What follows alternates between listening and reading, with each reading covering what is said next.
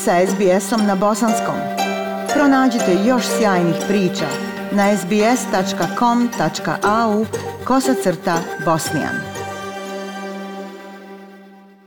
Poštovani slušaoci, gošća našeg današnjeg programa je svestrana umjetnica Jasna Dolić, prije svega muzička diva koja već godinama kroz svoj glas lavuja Australijom pronosi dašak bosanskog kulturnog blaga u tradicionalnoj pa ipak jedinstvenoj interpretaciji sevdalinke. Jasno Dolić ne treba posebno da predstavljamo. Svojom pjesmom ona će zarobiti srca, ali i oblake, i more, i travke, i drveće, jer Jasna pjeva i prirodi, ne samo ljudima. I kroz taj način obraćanja i prirodi prepoznajemo osebujan i jedinstven svjetonazor, ali i kreativnu umjetničku žicu, koja se višestruko ispoljila tokom pandemije pogotovo i u to vrijeme su nastale brojne i vrtlarske instalacije, skulpture, ručni radovi, a sve u cilju da se ljudima i svijetu uputi poruka optimizma, nade i ljubavi. Jasna, srdačna dobrodošlica u program SBS Radija. Hvala Aisha moja draga i želim da pozdravim sve slušaoce SPS radija i da im uputim da nas nastave podržavati sve naše radiostance i programe i sva događanja i zbivanja u dijaspori. Jer zajedno samo možemo naprijed. Povod našeg razgovora danas je jedan veoma važan nastup koji imate u iduću nedjelju 12. decembra u Imigracionom muzeju u Melbourneu. I koliko sam razumjela, nastupit ćete u okviru jednog festivala. Jasna, možete li nam reći o čemu se radi?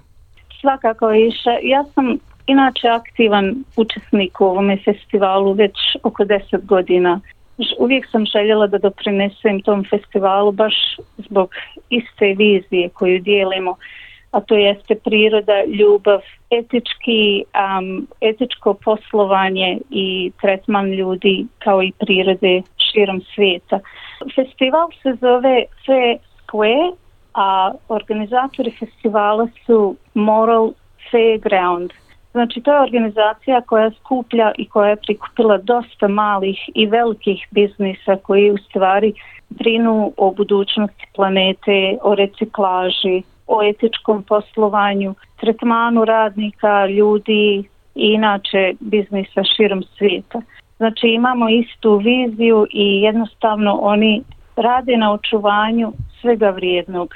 I naravno ja sam uvrstila u tu vrijednost naš sevdah, koji inače ovaj treba da se očuva i eto hvala Bogu sve više više pliva e, pozornicama svijeta i eto nekako dostiže tu, tu rangu svjetske muzike. Vi ćete jasno predstaviti u okviru tog festivala Božićno drvce ljubavi i nade od recikliranog materijala. O čemu se radi?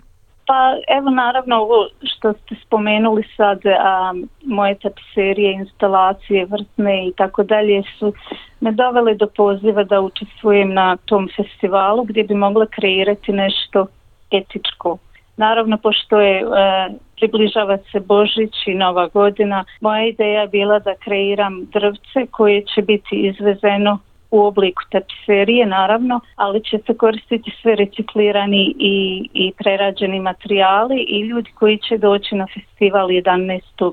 i 12. u subotu u Imigracijonom muzeju će moći jednostavno da ostave poruku ljubavi, mira i nade na tom drvce, tu ujedno da vezu sa krpicama koje sam ja eto, skupila i želim reciklirati da kreiram jedno umjetničko dijelo. Dakle, u subotu ljudi koji dođu u muzej moći će i sami da budu kreatori ukrasa na božićnom drvcu, moći će sami da napišu poruke ljubavi i nade. A poslije izložbe, gdje ide drvce? Pa ja sam evo kontaktirala nekoliko ustanova e, za donaciju božićnog drvca da izlože u svome predvorju ili, ili na ulazima. Jedna od tih institucija je dječja bolnica u gradu u Melbourneu, znači Royal Children's Hospital. E, međutim, ne znam da li će se prihvatiti ili ne, ali uglavnom drž, drvce će i dalje da živi i da je to država neke uspomene i da veže ljude i možda da izazove koji osmih. A eto i poziva našim slušaocima da dođu u subotu od 11 do 4 mogu doći i dati svoj doprinos jednoj takvoj plemenitoj ideji širenja ljubavi i nade. A pored predstavljanja božićnog drvca ljubavi i nade, vi ćete posjetiocima predstaviti i ljepotu bosanske sevdalinke. Recite nam više o tome, s kim ćete nastupiti? Pa, ovako, a, naravno sevdah je jedno je veliko blago koje ja strogo vjerujem od samih, a, od, od svog djetinstva pa nadalje i u zadnjih 20 i više godina ga probam predstaviti stranoj publici a Sevdah ću izvoditi u nedjelju od, od 11 do od 11:30 do 12 u imigracionom muzeju sa svojim bratom Jasminom Dolićem i naravno pridružiće nam se kader a, e, Đulović koji će izvoditi se da linku na sazu. Znači, a, svi oni koji žele da dođe da čuju Sevdah u srcu grada Melburna, Bujrum. A Jasmin, vaš brat Jasmin Dolić, on svira harmoniku, zar ne? Tako je, Jasmin svira harmoniku. Vjerujem da ćete imati brojnu publiku, evo i prilike da pozovemo naše slušalce da dođu u što većem broju i da vas podrže. To je zaista i ponos bosansko-hercegovačke zajednice imati jedan takav nastup u srcu Melburna, kako ste rekli. Jasna, vi ste često angažovani i na televiziji. Glumili ste u nekoliko popularnih australijskih serija. Imali nekog novog angažmana u planu za narednu 2008. godinu i snimali ste dosta i ove godine. Pa jeste, ove godine sam um, nastupila za vrijeme izbjegličke sedmice, znači Refugee Week um, na SBS televiziji sa Adamom Liao i um, seriji koja se zove The Cook Up, koja se još uvijek odvija svako, uh, svake sedmice nekoliko puta i sa različitim gostima iz različitih kultura i, i industrija, posebno uh, televizijske i tako dalje. Um, znači tu sam predstavila bosansko-hercegovačku čorbu gdje sam ovaj uh, uspjela da predstavim i prikažem naš ajvar iz um, e, vitaminke Banja Luke i pojavila sam se nekoliko puta u serijama Najbez, um, How to Stay Married i mnogobrojnim uh, filmovima, ali uglavnom su to male i mikro uloge. Međutim, um, ima još nekoliko ponuda za u buduće, ali ovaj, to ćemo vidjeti.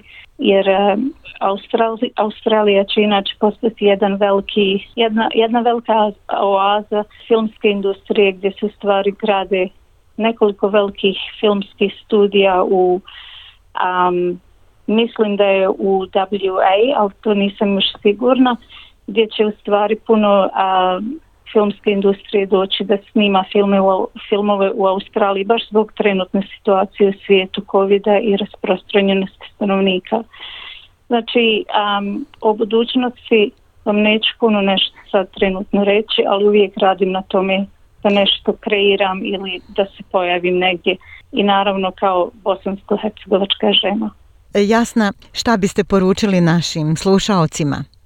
Pa ovako želim da poručim našim slušalcima da se i dalje podržavamo međusobno kao zajednica, da jedni drugi promovišemo i uh, u jednu ruku reklamiramo i podržimo u svakom smislu, jer naravno ovaj nas je COVID trenutno koji je uzburkao svjetsku situaciju, naučio o vrijednostima tog kontakta, ličnog kontakta među ljudima znači da jedne druge um, pomognemo i, i prosledimo informacije koje nas mogu odvesti u nešto bolje i jednostavno da ostanemo onakvi kakvi smo bili prije.